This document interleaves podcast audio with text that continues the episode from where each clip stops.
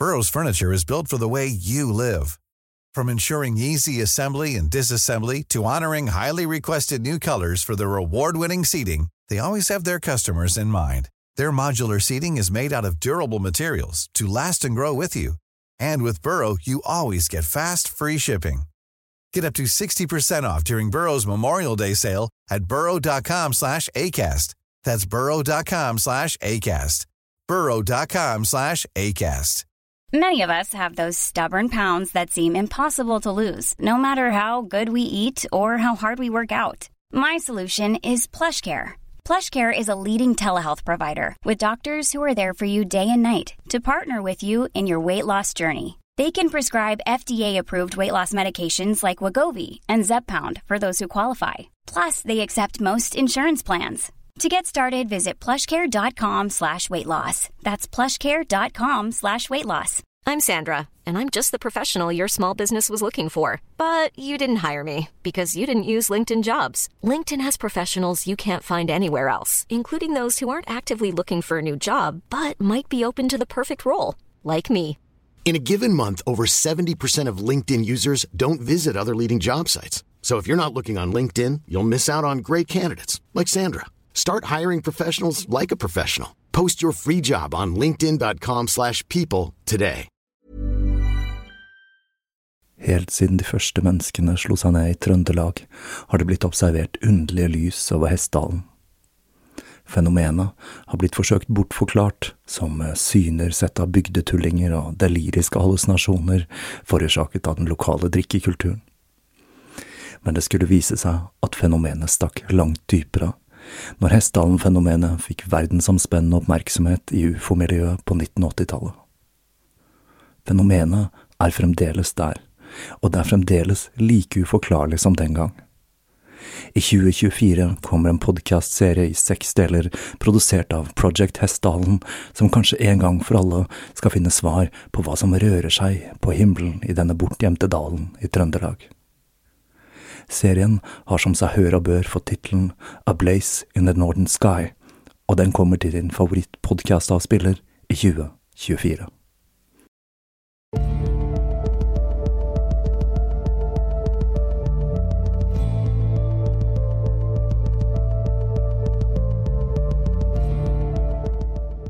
Hei og velkommen til Tåkeprat. Jeg heter Even, og når jeg tar opp denne episode 166, er det mandag den 16. august 2021. Dette blir den siste episoden jeg tar opp i dette lokalet. Her har det gått i rydding, pakking, flytting og oppakking, og denne uka flytter jeg de siste store møblene, og blir med det atter en gang en Oslo-borger. Og jeg må si at det føles litt uventet godt. Når jeg flytta fra Tigerstaden, var jeg dritlei hele byen. Men etter å ha tilbrakt litt tid i den nye leiligheten, kjenner jeg at jeg jo hører hjemme i Oslo øst, i det mangfoldet av en smeltedigel den delen av byen er. Selv om jeg nok kommer til å savne havet, så er marka aldri langt unna i Oslo. Det aller viktigste i den nye leiligheten med tanke på podkast, er studio. Og det er snart ferdig, jeg venter fremdeles på noen lydisolerende plater og litt annet småtteri, men det skal være klart til opptak om en ukes tid. Og da tror jeg jeg vil ha Norges mest unike podkaststudio, og dette blir den største oppgraderingen jeg har gjort på to år. Slik det er i dag, fungerer leiligheten min også som studio. Men nå får jeg et eget rom dedikert til tåkeprat, og det gjør at jeg må tenke på innredningen som en del av lydbildet til podkasten. Her jeg bor nå, er det forholdsvis stille, selv om man i noen episoder, om man hører veldig, veldig godt etter, kan høre naboen flytte solstolen på verandaen. I en blokkleilighet, og ikke minst med en stesønn på åtte år som blir veldig sinna når han spiller Fortnite, så blir det noen lydmessige utfordringer. Men jeg tror jeg har funnet noen gode løsninger, slik at dere kan se fram mot et løft i lydkvaliteten på episodene utover høsten. Jeg har allerede flyttet alt av instrumenter, effekter og forsterkere, så lydsnutten til denne serien den lagde jeg for et par uker siden. Og det er den siste som vil bli produsert her jeg sitter nå og tar opp denne siste episoden før den store flyttinga. Av en eller annen grunn så føles det litt vemodig, uten at jeg helt skjønner hvorfor. Men jeg har jo trivdes veldig godt her jeg bor nå, så det kan ha en sammenheng med det å gjøre. Så om du leter etter en knæsj leilighet i Slemmestad-området, så har du muligheten nå. Og så må jeg bare klage litt. For internett er jo ganske så viktig i disse dager. Leiligheten vi flytter inn i er i et borettslag, og nett det er inkludert i felleskostnadene, så jeg regnet med at det skulle bli grei skuring. I løpet av livet så har jeg faktisk aldri hatt stabilt internett. Det var kanskje ikke så rart når jeg bodde i skauen, men heller ikke når jeg bodde i Oslo så hadde jeg en pålitelig linje. Så for meg så var det ganske stort å gå en framtid med kabelnett i møte. Da vi overtok leiligheten, fikk jeg to modemer av forrige eier, og en beskjed om at det bare var å ringe Telenor for å aktivere abonnementet. Jeg fikk ett Telenor-modem og et Motorola-modem, som visstnok var det som eieren hadde brukt. Vel, vel, etter å ha satt meg ned og kikket over kablene, så oppdaget jeg at det så ut til å mangle en koaks hand-til-hand, som er den kabelen som går fra vegg og inn i modemet. Men ok, jeg tok kabelen jeg fikk med og koblet opp Telenor-modemet, som begynte å ta imot signal fra nettet, før jeg ringte til Telenor. Fyren jeg snakket med der, dette var en fredag, fortalte meg at sameiet ikke har noen avtale, og at jeg måtte bestille et nytt abonnement til 800 kroner i måneden. Hjelpes. Jeg sa at det nok neppe stemmer, men jeg ba han sette i gang prosessen, for nett, det må vi ha. Ikke bare av podkast, men også av jobben til kona. Den helga så finleste jeg dokumentene fra salget, og jo da, nett er inkludert i felleskostnadene, men det ble allikevel en del unødig stress. Mandagen etter så fikk jeg en tekstmelding fra Telenor. Sameiet ditt har en fellesavtale med Telenor, ta kontakt med styreleder. Så ok, da. Vi tok kontakt med styreleder, som fortalte at abonnementet er knyttet til leiligheten, og at vi måtte ta kontakt med selger. Sirkelen var altså sluttet, og vi tok kontakt med selger, som fortalte at han ikke var spesielt teknisk av seg, og at det var sønnen som hadde satt opp nettet med Motorola-boksen, men at sønnen kun hadde ringt Telenor og oppgitt Mac-adressen til modemet.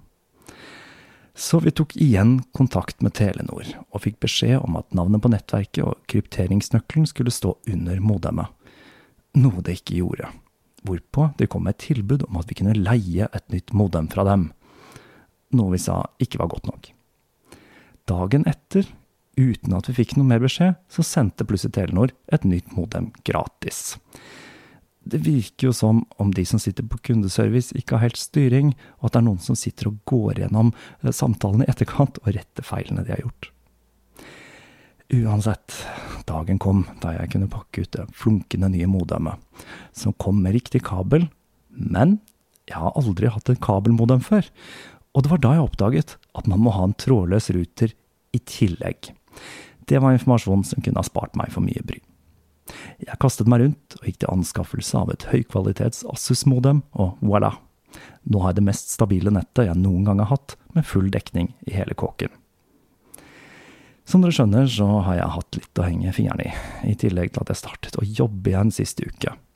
Men nå er det endelig duket for hva jeg tror blir årets største serie. I fjor var det Lene Riefenstahl som stakk av med den tittelen. Og i år er det herrenes tur, når jeg skal se litt nærmere på en figur jeg har fått mange forespørsler om å ta for meg her i Tåkeprat. Gabriel Danoncio. Noen av dere har kanskje hørt om denne fyren før, som i tillegg til å være en poet og forfatter på nivå med Ibsen, var en notorisk skjørtejeger, og ikke minst så regnes han som opphavsmannen til den moderne fascismen. Her er det mye å ta av, med andre ord. Og der Dion Fortune sin historie stort sett dreier seg om arbeid på det indre plan, så var livet til Gabriel Denuncio et festfyrverkeri av en fortelling som var så spektakulært at det nesten virker litt for fantastisk til å være sant. Det er kanskje bra at metoo ikke var kommet på banen når Gabriel opererte, for jeg tror dette blir den mest erotisk ladede serien jeg noen gang har laget. For damehistoriene, som Gabriel dokumenterte i den minste detalj i dagbøkene sine, og da snakker vi virkelig den minste erotiske detalj, gjennomsyret livet hans. Gabriel var ingen snill fyr. Han var ekstremt egosentrert og hadde null begrep om penger og lite eller ingen empati. Han var heller ikke noe særlig å se på, og det var langt fra alle som falt for den trolske sjarmen hans. På et tidspunkt i livet forsøkte han å forføre den mest berømte kurtisanen i Paris ved å sende henne en vogn fylt med blomster trukket av hester. Hun ble med i vogna, men hun snudde i døra da hun ble tatt imot av hva hun beskrev som en ufyselig liten gnom. Dette var litt av en type, altså, og jeg er spent på hvordan arbeidet med denne serien vil påvirke meg. Når jeg jobber med disse lange seriene, så kommer jeg ofte under huden på personen det dreier seg om, og jeg må si, jeg har ikke lyst til å komme så altfor nære innpå Gabriel Denoncio. Hovedkilden min til denne serien er biografien skrevet av Lucy Hughes Hallett. Gabriel Denuncio, Poet, Seducer and Preacher of War fra 2014. Lucy Hughes Hallett har valgt en litt uvanlig stil, og blander små glimt fra livet hans med den røde tråden fra vugge til grav, noe som gjør seg svært godt og gjør at man danner seg et bilde av mannen ganske tidlig i boka. Og da setter vi bare i gang med livshistorien til denne litt underlige mannen som har en historisk brannfakkel i Italia, og av mange regnes som forløperen til Benito Mussolini.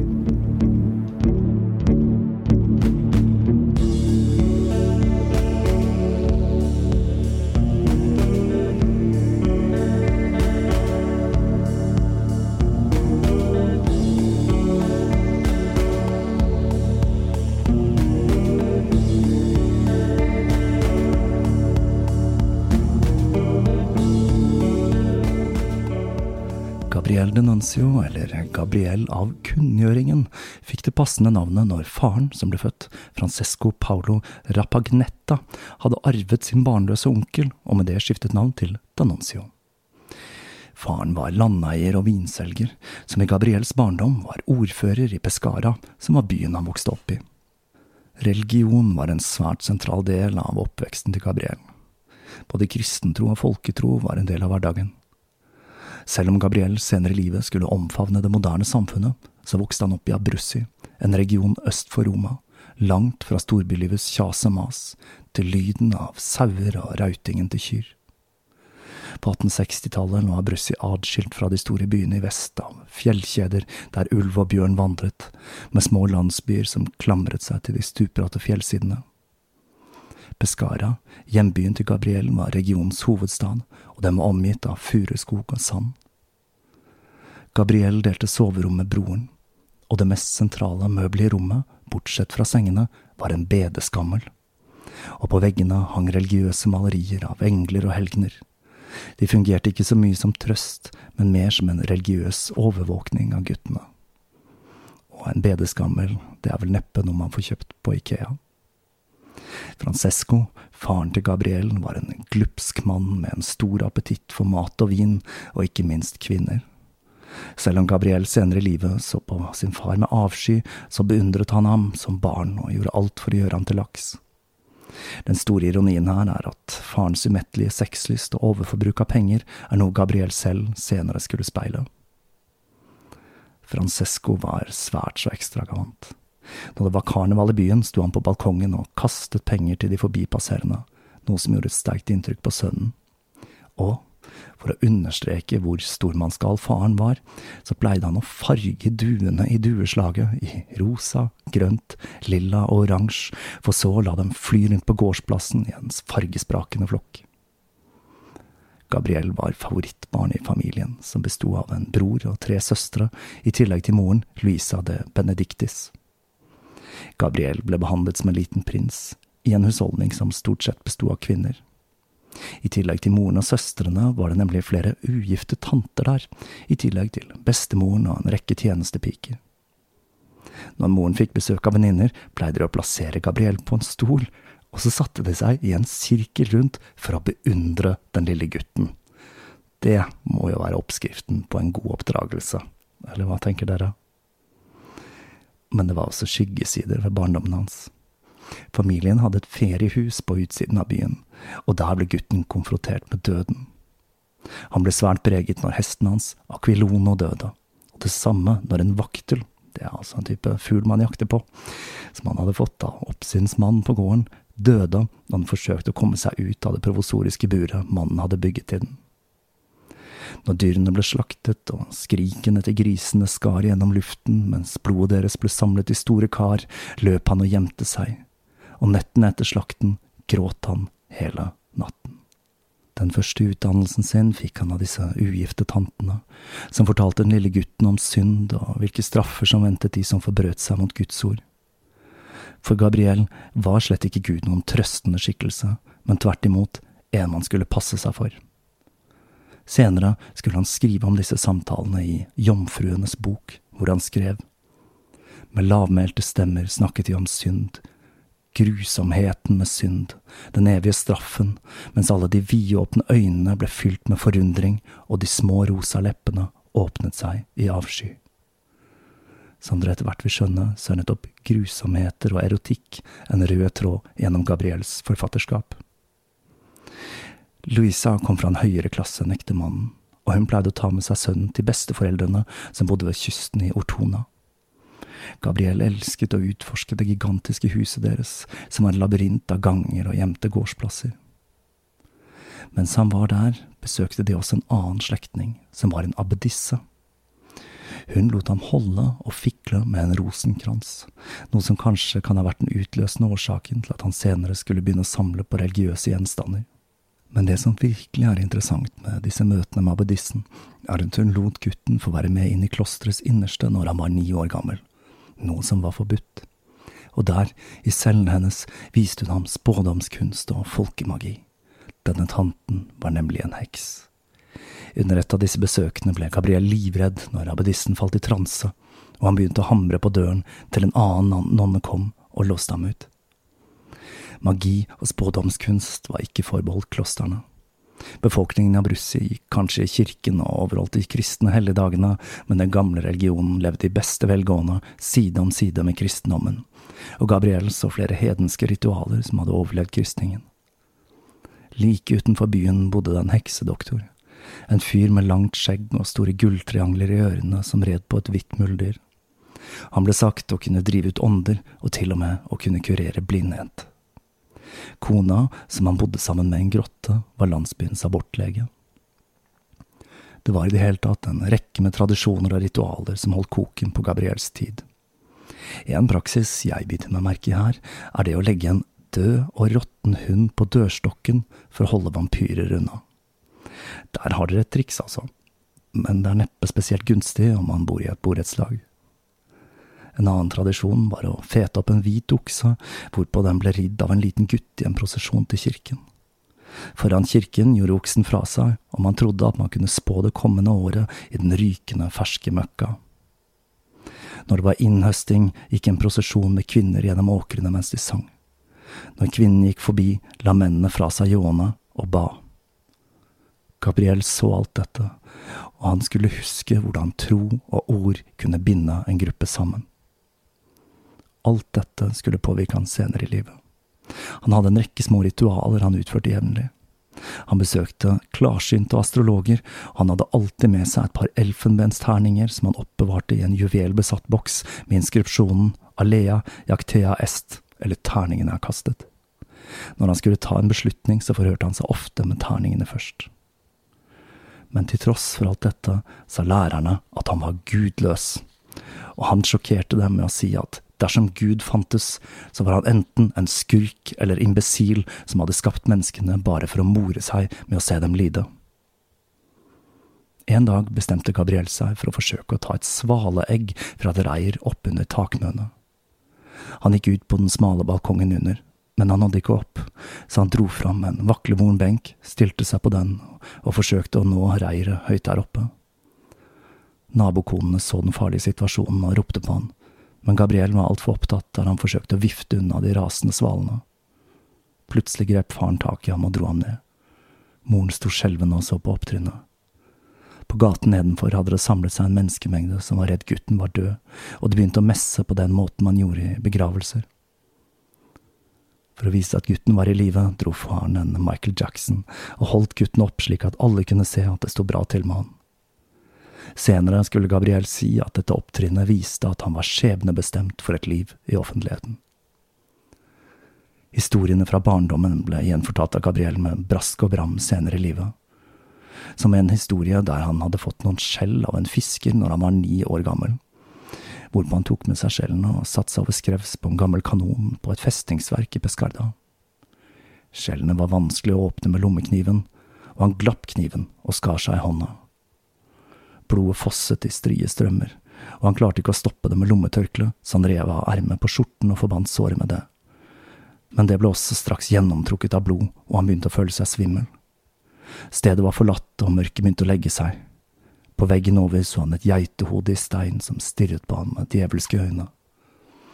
Med ett kom han på at de gamle konene i byen hadde fortalt at de brukte spindelvev for å stoppe blødninger. Så han sjanglet ned i hvelvene til festningsverket, hvor han skar ned spindelvev og forbandt såret, og med det klarte å komme seg hjem før han besvimte av blodtap.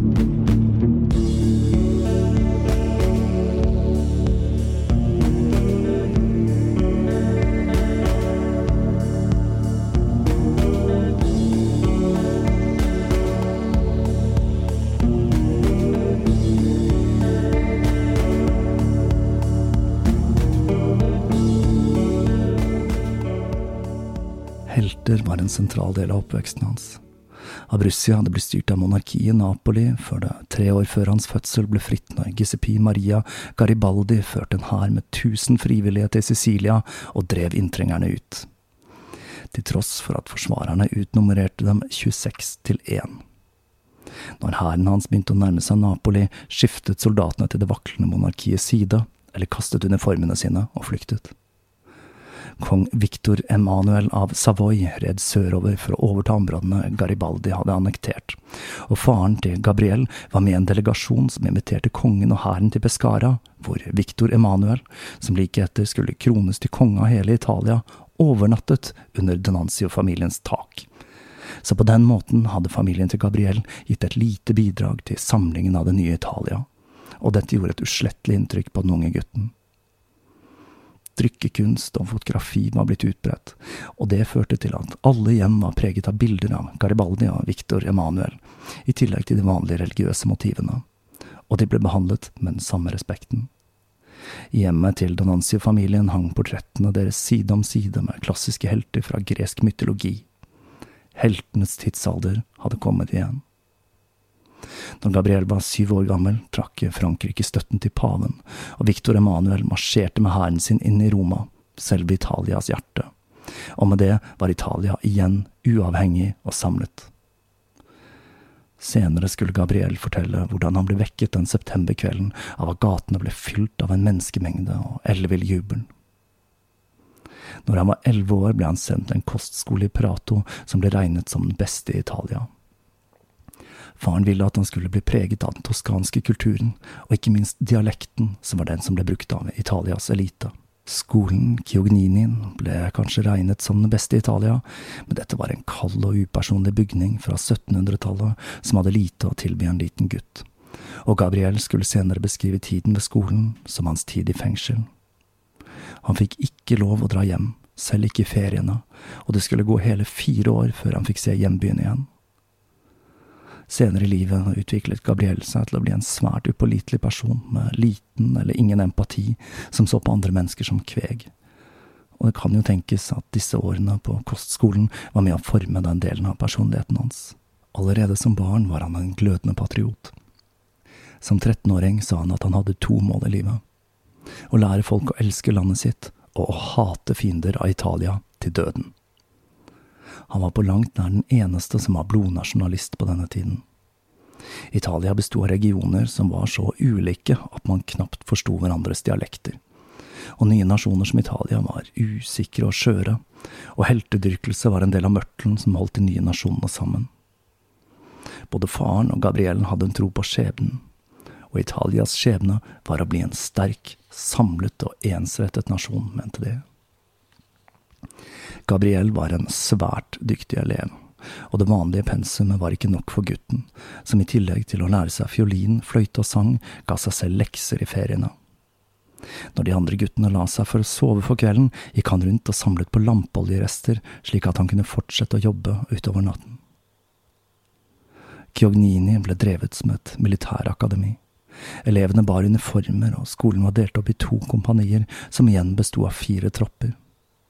De som oppførte seg bra, ble forfremmet til offiserer. Gabriel ble først korporal, og det siste året på skolen ble han forfremmet til kommandant, en tittel han også skulle gi seg selv senere i livet. Ved skolen var studier av klassikerne sentralt, slik som ved alle andre skoler i den vestlige verden. Men i skyggen av den nasjonalistiske flodbølgen som flommet over landet, hadde latinsk litteratur og romersk historie en helt spesiell betydning. det var ikke bare i antikken de kunne lese om ære. En som var langt nærmere i tid, var Napoleon. Med litt mental gymnastikk var det mulig for Burrow's furniture is built for the way you live. From ensuring easy assembly and disassembly to honoring highly requested new colors for their award-winning seating, they always have their customers in mind. Their modular seating is made out of durable materials to last and grow with you. And with Burrow, you always get fast, free shipping. Get up to 60% off during Burrow's Memorial Day sale at burrow.com slash ACAST. That's burrow.com slash ACAST. burrow.com slash ACAST. Millions of people have lost weight with personalized plans from Noom, like Evan, who can't stand salads and still lost 50 pounds. Salads, generally, for most people, are the easy button, right? For me, that wasn't an option. I never really was a salad guy. That's just not who I am. But Noom worked for me. Get your personalized plan today at Noom.com. Real Noom user compensated to provide their story. In four weeks, the typical Noom user can expect to lose one to two pounds per week. Individual results may vary. italienere og erklære Napoleon som sin egen. Om han ikke tenkte på Napoleons invasjon av Italia, men hvordan han drev ut de forhatte østerrikerne fra Korsika ved å be befolkningen gjøre opprør mot okkupantene. Riktignok så hadde Napoleon drevet med seg en rekke kulturskatter, men likevel, det var stas å forestille seg denne hærføreren som en italiener. Faren besøkte sønnen på skolen, og da hadde han med seg en minnemynt preget med Napoleon, og ikke minst Memorial di Sankt Helena av greven av Las Casses, som var en av Napoleons hjelpere når han satt i fengsel på Sankt Helena. Denne memoaren i hele åtte bind var en bestselger, og Gabriel ble besatt av historien. Han ble, sa han selv, en svoren tilbeder, ikke av Gud, men av Vår Herre, som ble kalt Napoleon Bonaparte. Når det gjaldt lærerne ved skolen, så var ikke han spesielt fornøyd med dem. Han skrev at de var myke, fete prester som ikke hadde noe å lære ham. Men ikke for det, han var klar over at han trengte læring og rettledning. Og med sin usedvanlige selvtillit så satte han i gang med å se etter noen han mente var verdige læremestere. Når han var 15, fikk han dra hjem igjen for første gang. Og på veien hjem kjøpte han en utgave av Kardukis Odi Barbare Josue Karduki var en svært anerkjent poet i samtiden, som angrep kristendommen, og som var en pådriver for at Italia skulle finne tilbake til paganismen. Hans mest kjente verk het ikke mindre enn En hymne til Satan, og for Gabriel, som var svært så skeptisk til Gud og kristendom, så var dette svært imponerende. Et par måneder etter han hadde kjøpt Odi Barbare, skrev han et svulstig brev til forfatteren, og til tross for at han skrev jeg vil kjempe ved din side, o poet, ikke se på meg som en forutinntatt gutt, så tom som skrellet til en presset sitron. Så fikk han aldri noe svar fra poeten, som strengt talt ikke hadde noen grunn til å svare på fanbrev fra smågutter. Men Gabriel skulle snart vise at han hadde noe å fare med når det gjaldt skrivekunst. Det første diktet han publiserte, var en hyllest til kong Umberto han skrev når han var 16. Faren trykket opp diktet som ble distribuert i Pescara på kongens bursdag. Et par måneder senere publiserte han sin første diktsamling, Primo Vere, igjen med hjelp fra faren. Denne samlingen var ikke bare bare. Den var så erotisk at lærerne ved skolen klødde seg i hodet og lurte på om de skulle forby boken ved skolen, eller kanskje til og med utvise Gabriel, til tross for at han var en fremragende elev. Med setninger som med skjelvende opphisselse la jeg deg på vannliljene og kysset deg med stive lepper og skrek Du er min. Som en orm vred du deg og stønnet. Er det kanskje ikke så rart at de var litt i tvil. Men språkbeherskelsen hans var perfekt, så de bestemte seg for at han skulle få fortsette ved skolen. Igjen skulle han forsøke seg på å finne en mentor. Denne gangen var det Enrico Nenchioni, som var en kritiker som var spesielt glad i engelsk litteratur. Gabriel skrev igjen et svulstig brev fra skolen, som han omtalte som mitt fengsel, og la ved en kopi av Primovere, og han fikk napp. Nenkioni inviterte han til å besøke ham i Firenze, som kun var en kort togtur fra skolen. Selv om det var en aldersforskjell på 26 år, skulle de to raskt finne tonen. Nenkioni var en tynn og nervøs type, med lange hender som gestikulerte veldig når han leste poesi, og innflytelsen han hadde på den unge Gabriel var enorm. Senere skulle Gabriel beskrive møtet som et slags religiøst overgangsritual, rett og slett som en slags konfirmasjon. Nenkioni introduserte gutten for en rekke engelskspråklige forfattere, deriblant Thomas Carlyle, hvis om helter, heltedyrkelse og det heroiske historien skulle være med på å forme forestillingen hans om at det ikke var økonomi og politikk som formet samfunnet, men overlegne individer, eller supermennesker. Shelley og Byron var også en heftig inspirasjonskilde for den unge gutten. Senere i livet eide Gabriel en ring han påsto at hadde tilhørt Byron, en person han likte å sammenligne seg med, og som han faktisk hadde en del til felles med. Som for kjærligheten for Venezia, promiskuiteten og ikke minst berømmelsen. Både Shelley og Byron tilhørte aristokratiet og var brennende politisk engasjerte.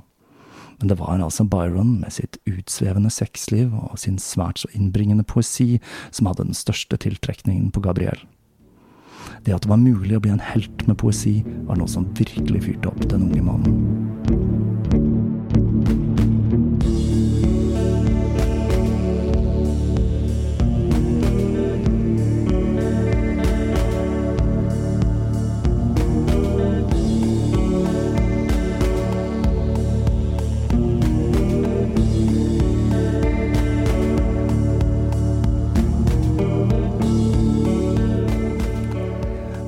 Reklamere for poesien sin, begynte han å skrive til Cesare Fontana, en rik mann fra Milano han hadde blitt introdusert for.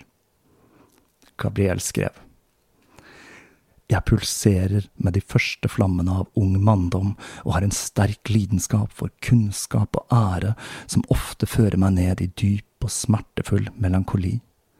Jeg elsker ny kunst og vakre kvinner, er svært uvanlig i min smak og svært så krass i mine meninger. Jeg sier rett ut hva jeg mener. Jeg er nære fortapelse, er så entusiastisk at det ligner galskap. Og hva mer? Det er en ting jeg har glemt. Jeg er en dyktig poet, og ikke redd for å forfølge drømmer. Eller noe sånt. Det høres sikkert bedre ut på italiensk, men man får jo en følelse av hvor han legger lista. Og husk at dette dreier seg om en gutt på 16 år. Over de neste årene skulle han skrive til Fontana flere ganger og be han om å legge inn et godt ord for ham hos forleggere i Milano. Han sendte ut flere kopier av Primovera. En av dem gikk til den svært innflytelsesrike kritikeren Piero Chiarini, og i brevet han skrev til ham, skrev han at han følte seg så skamfull som en stakkars bonde som blir introdusert for en distingvert person og blir rød som en kokt reke og vrir hatten sin i hendene ute av stand til å si et eneste ord. En 16 år, altså. Skal etter hvert se at Gabriel utviklet seg til å bli en ganske fæl fyr, men å formulere seg skriftlig, det var noe han kunne. Piero Charini ble tydelig imponert av denne kokte reka, og kort tid etter begynte de å korrespondere, og Gabriel hadde med det funnet seg enda en læremester. I mai 1880 skrev Chiarini en anmeldelse av Primovere i det anerkjente tidsskriftet Fanfulla della Domeniva, hvor han skrev at Gabriel var en ny poet med uvanlige evner. Innen et år etter hans første utgivelse hadde Gabriel, som i løpet av livet skulle gi ut 48 verker, gitt ut to bøker til. Den første var In Memoriam, som var dedikert til bestemoren som døde dette, det året. Og like etter kom en oppdatert utgave av Primovere med 43 nye dikt. Fremdeles var det faren som betalte for trykkingen, men det var Gabriel som tok seg alt det praktiske. Han var svært opptatt av trykking, og brukte lang tid på å finne riktig papirkvalitet, typesetting osv. Og det var han personlig som fikk stelt i stand distribusjonsavtaler. Men selv om han var en stigende stjerne, så følte Gabriel at han ikke var kjent nok. Han hadde tenkt mye på hvordan Keats og Shelleys tidlige dødsfall hadde gjort dem udødelige, og det ga han en idé.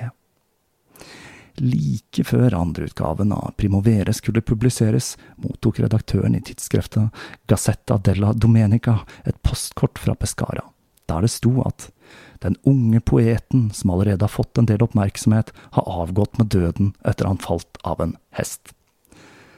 Redaktøren publiserte historien med brask og bram, og den ble plukket opp av aviser over hele Italia, som sørget over den tragiske døden til den siste fødte av musen, denne gutten som var gleden til sine foreldre, en kjær venn for sine venner og stoltheten til sine læremestere. Over natten var Gabriel Denoncio blitt rikskjendis, og postkortet, det hadde han skrevet selv, selvsagt. Er det én ting som kommer til å gå igjen i denne serien, så er det kjærlighetslivet, eller nærmere bestemt sexlivet, til Gabriel Denoncio. Vi vet svært mye om dette. Ikke bare skrev han om det i bøkene sine, men han førte dagbøker der han beskriver intime detaljer som utseende på kjønnsteppene til elskerinnene sine, kroppslukt fra kjønn og armhuler og alskens bisarre fetisjer, for de hadde han mange av.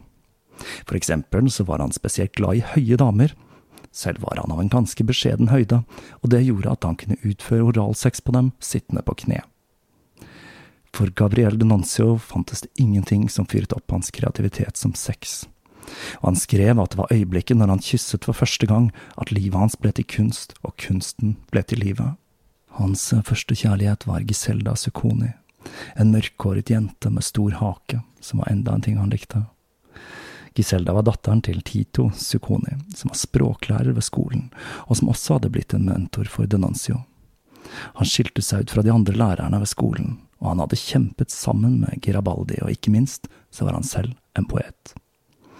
Han og Gabriel ble etter hvert venner, og han inviterte gutten hjem til familien i Firenze. Han hadde begynt å skrive noveller hvor handlingen fant sted i Abruzzi, og Giselda ble trollbundet av fortellerkunsten hans. Da han fortalte en morbid historie som handlet om en stum tigger og det frosne liket til ei lita jente, begynte hun å gråte, og det var da han innså at dette var kjærlighet. Enda et fetisj der. Som vi skal se etter hvert, så tente han på at damene hans gråt, og dere begynner kanskje å skjønne at dette er en ganske så spesiell person. Når han kom tilbake til skolen, så begynte han å skrive til henne og innen få dager skrev hun tilbake og fortalte ham at hun elsket ham. Han lå våken om netten og så på bildet han hadde fått av henne, og skrev lange brev, som selvsagt var voldsomme greier, som eh, kyss meg, Elda, kyss meg, skyv de små hendene dine inn i håret mitt og hold meg nede mens jeg skjelver som en lenket leopard. Gabriel hadde nemlig gitt Giselda navnet Elda. Han skulle døpe om alle elskerinnene han hadde, på samme måte som Crowley, for de av dere som husker Crowleys dyriske kallenavn som Kamelen og Katten. Danuncius erotiske karriere startet tidlig.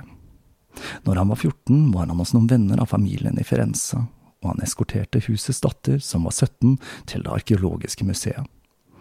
Der kastet han seg over henne og kysset henne, og senere skulle han beskrive opptrinnet som jeg kastet meg over henne som en utsultet arbeider som kaster seg over maten om kvelden.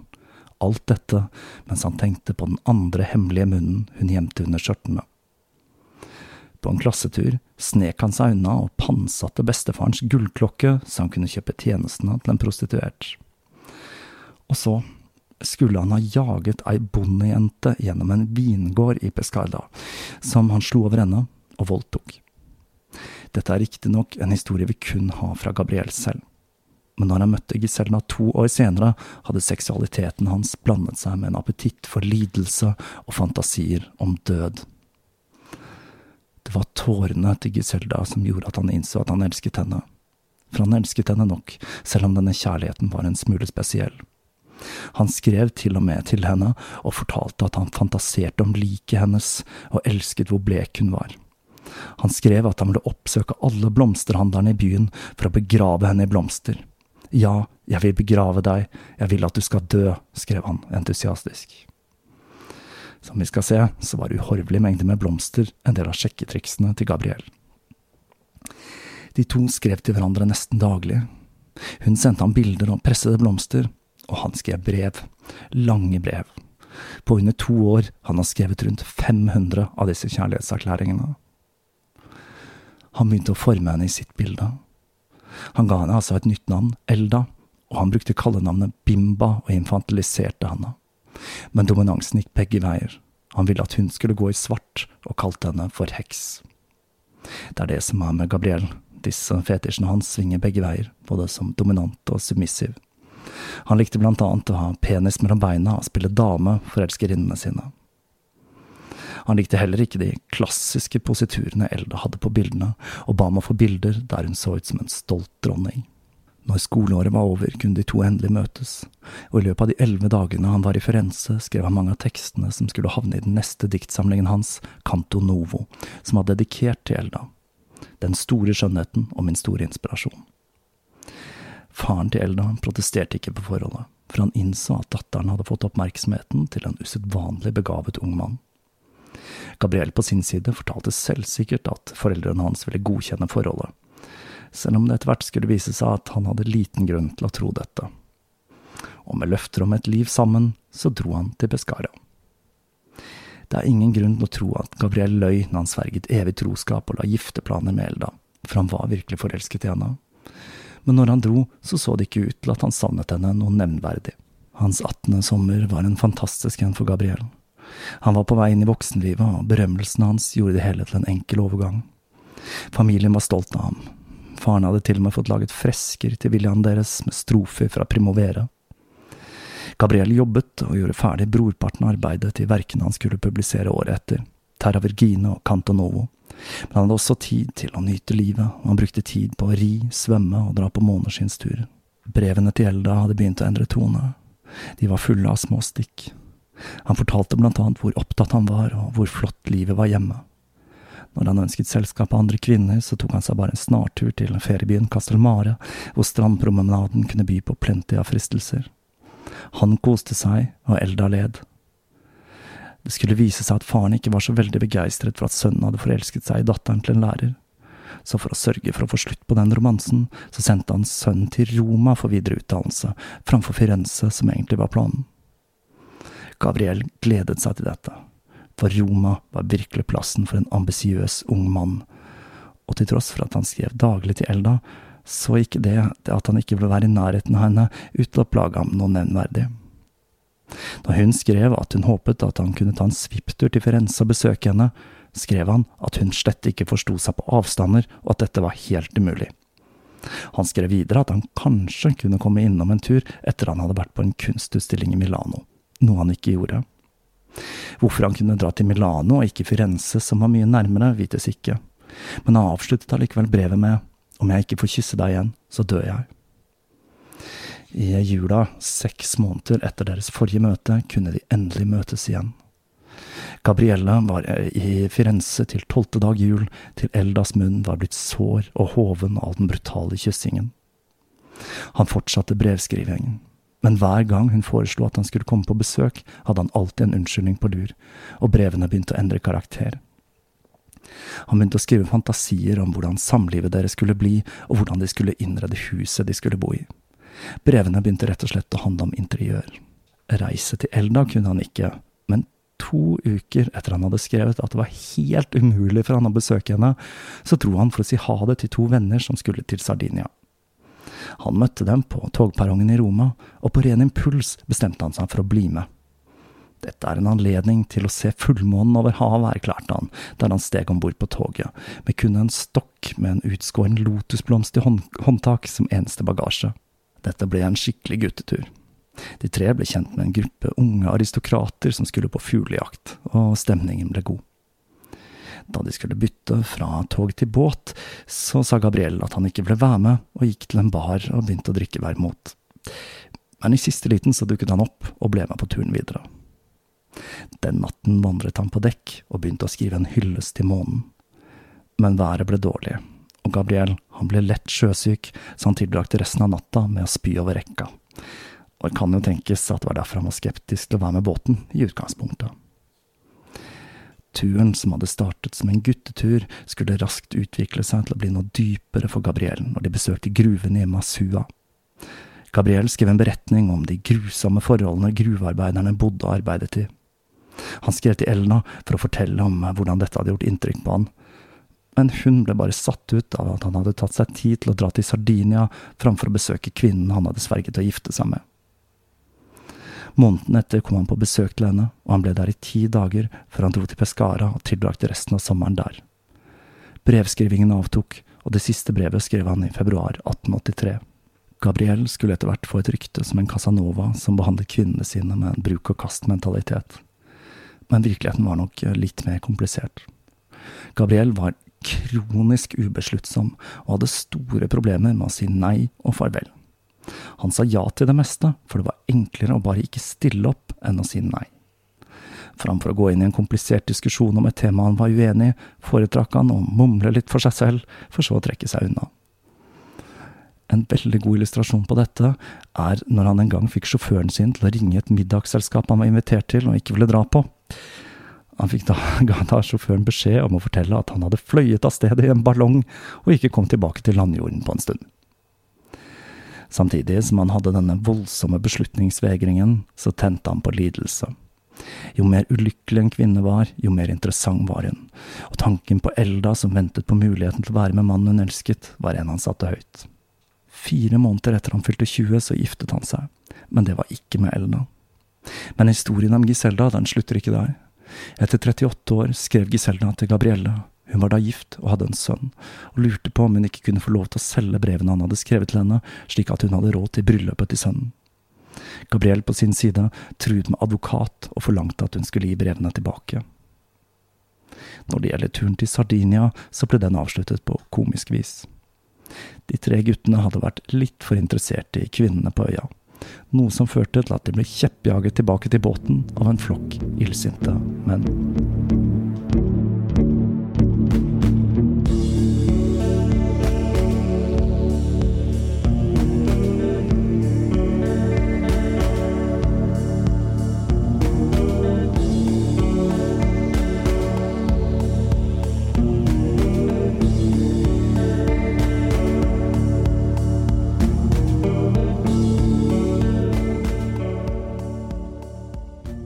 Der forlater vi Gabriel for denne gang. Dere begynner kanskje allerede å skjønne at dette er en svært spesiell person, og han blir ikke mer A4 ettersom tiden går, for å si det slik. Dette var altså den aller siste episoden jeg tar opp i denne leiligheten.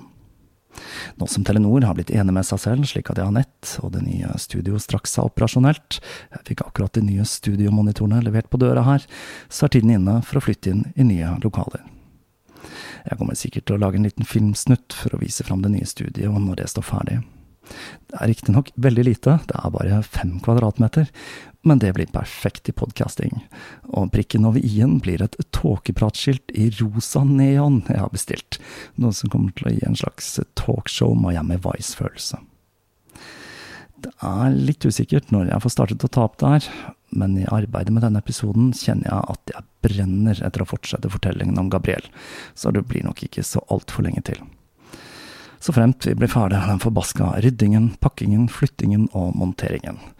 Jeg har blitt så preget av det hele at jeg faktisk har bestilt meg tatoveringstime til etter det siste lasset er flyttet, og det er Ikea-mannen som skal foreviges som et minne om denne hektiske sommeren. Enn så lenge så vil jeg som vanlig takke alle patrons. Det er dere som gjør det mulig å drive en uavhengig podkast på dette nivået. Dette er vel det Gabriel ville kalt å forfølge drømmer. Jeg vil også rette en takk til alle dere som hører på og er med på å spre budskapet om denne podkasten, som jeg føler nok er i en klasse for seg selv i Podkast-Norge. Ikke minst vil jeg takke dere som har bidratt med å handle i nettbutikken. Jeg har nå flyttet lageret med merch inn i det nye studio, og det er så fullt at det må tømmes før jeg produserer mer og ny merch. Så ta deg gjerne en tur innom nettbutikken og se hva jeg har å tilby. Her om dagen la jeg merke til at jeg bruker samme klesprodusent som Vardruna til merchen min.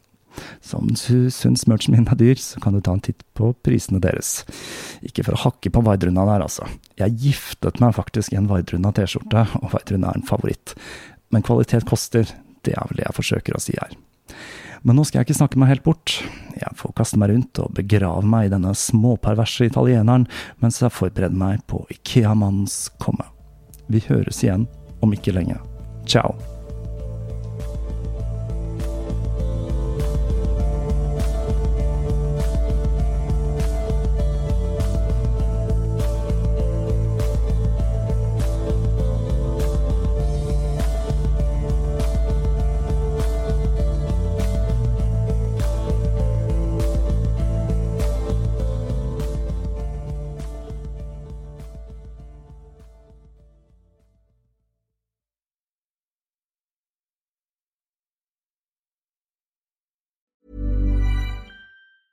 Planning for your next trip?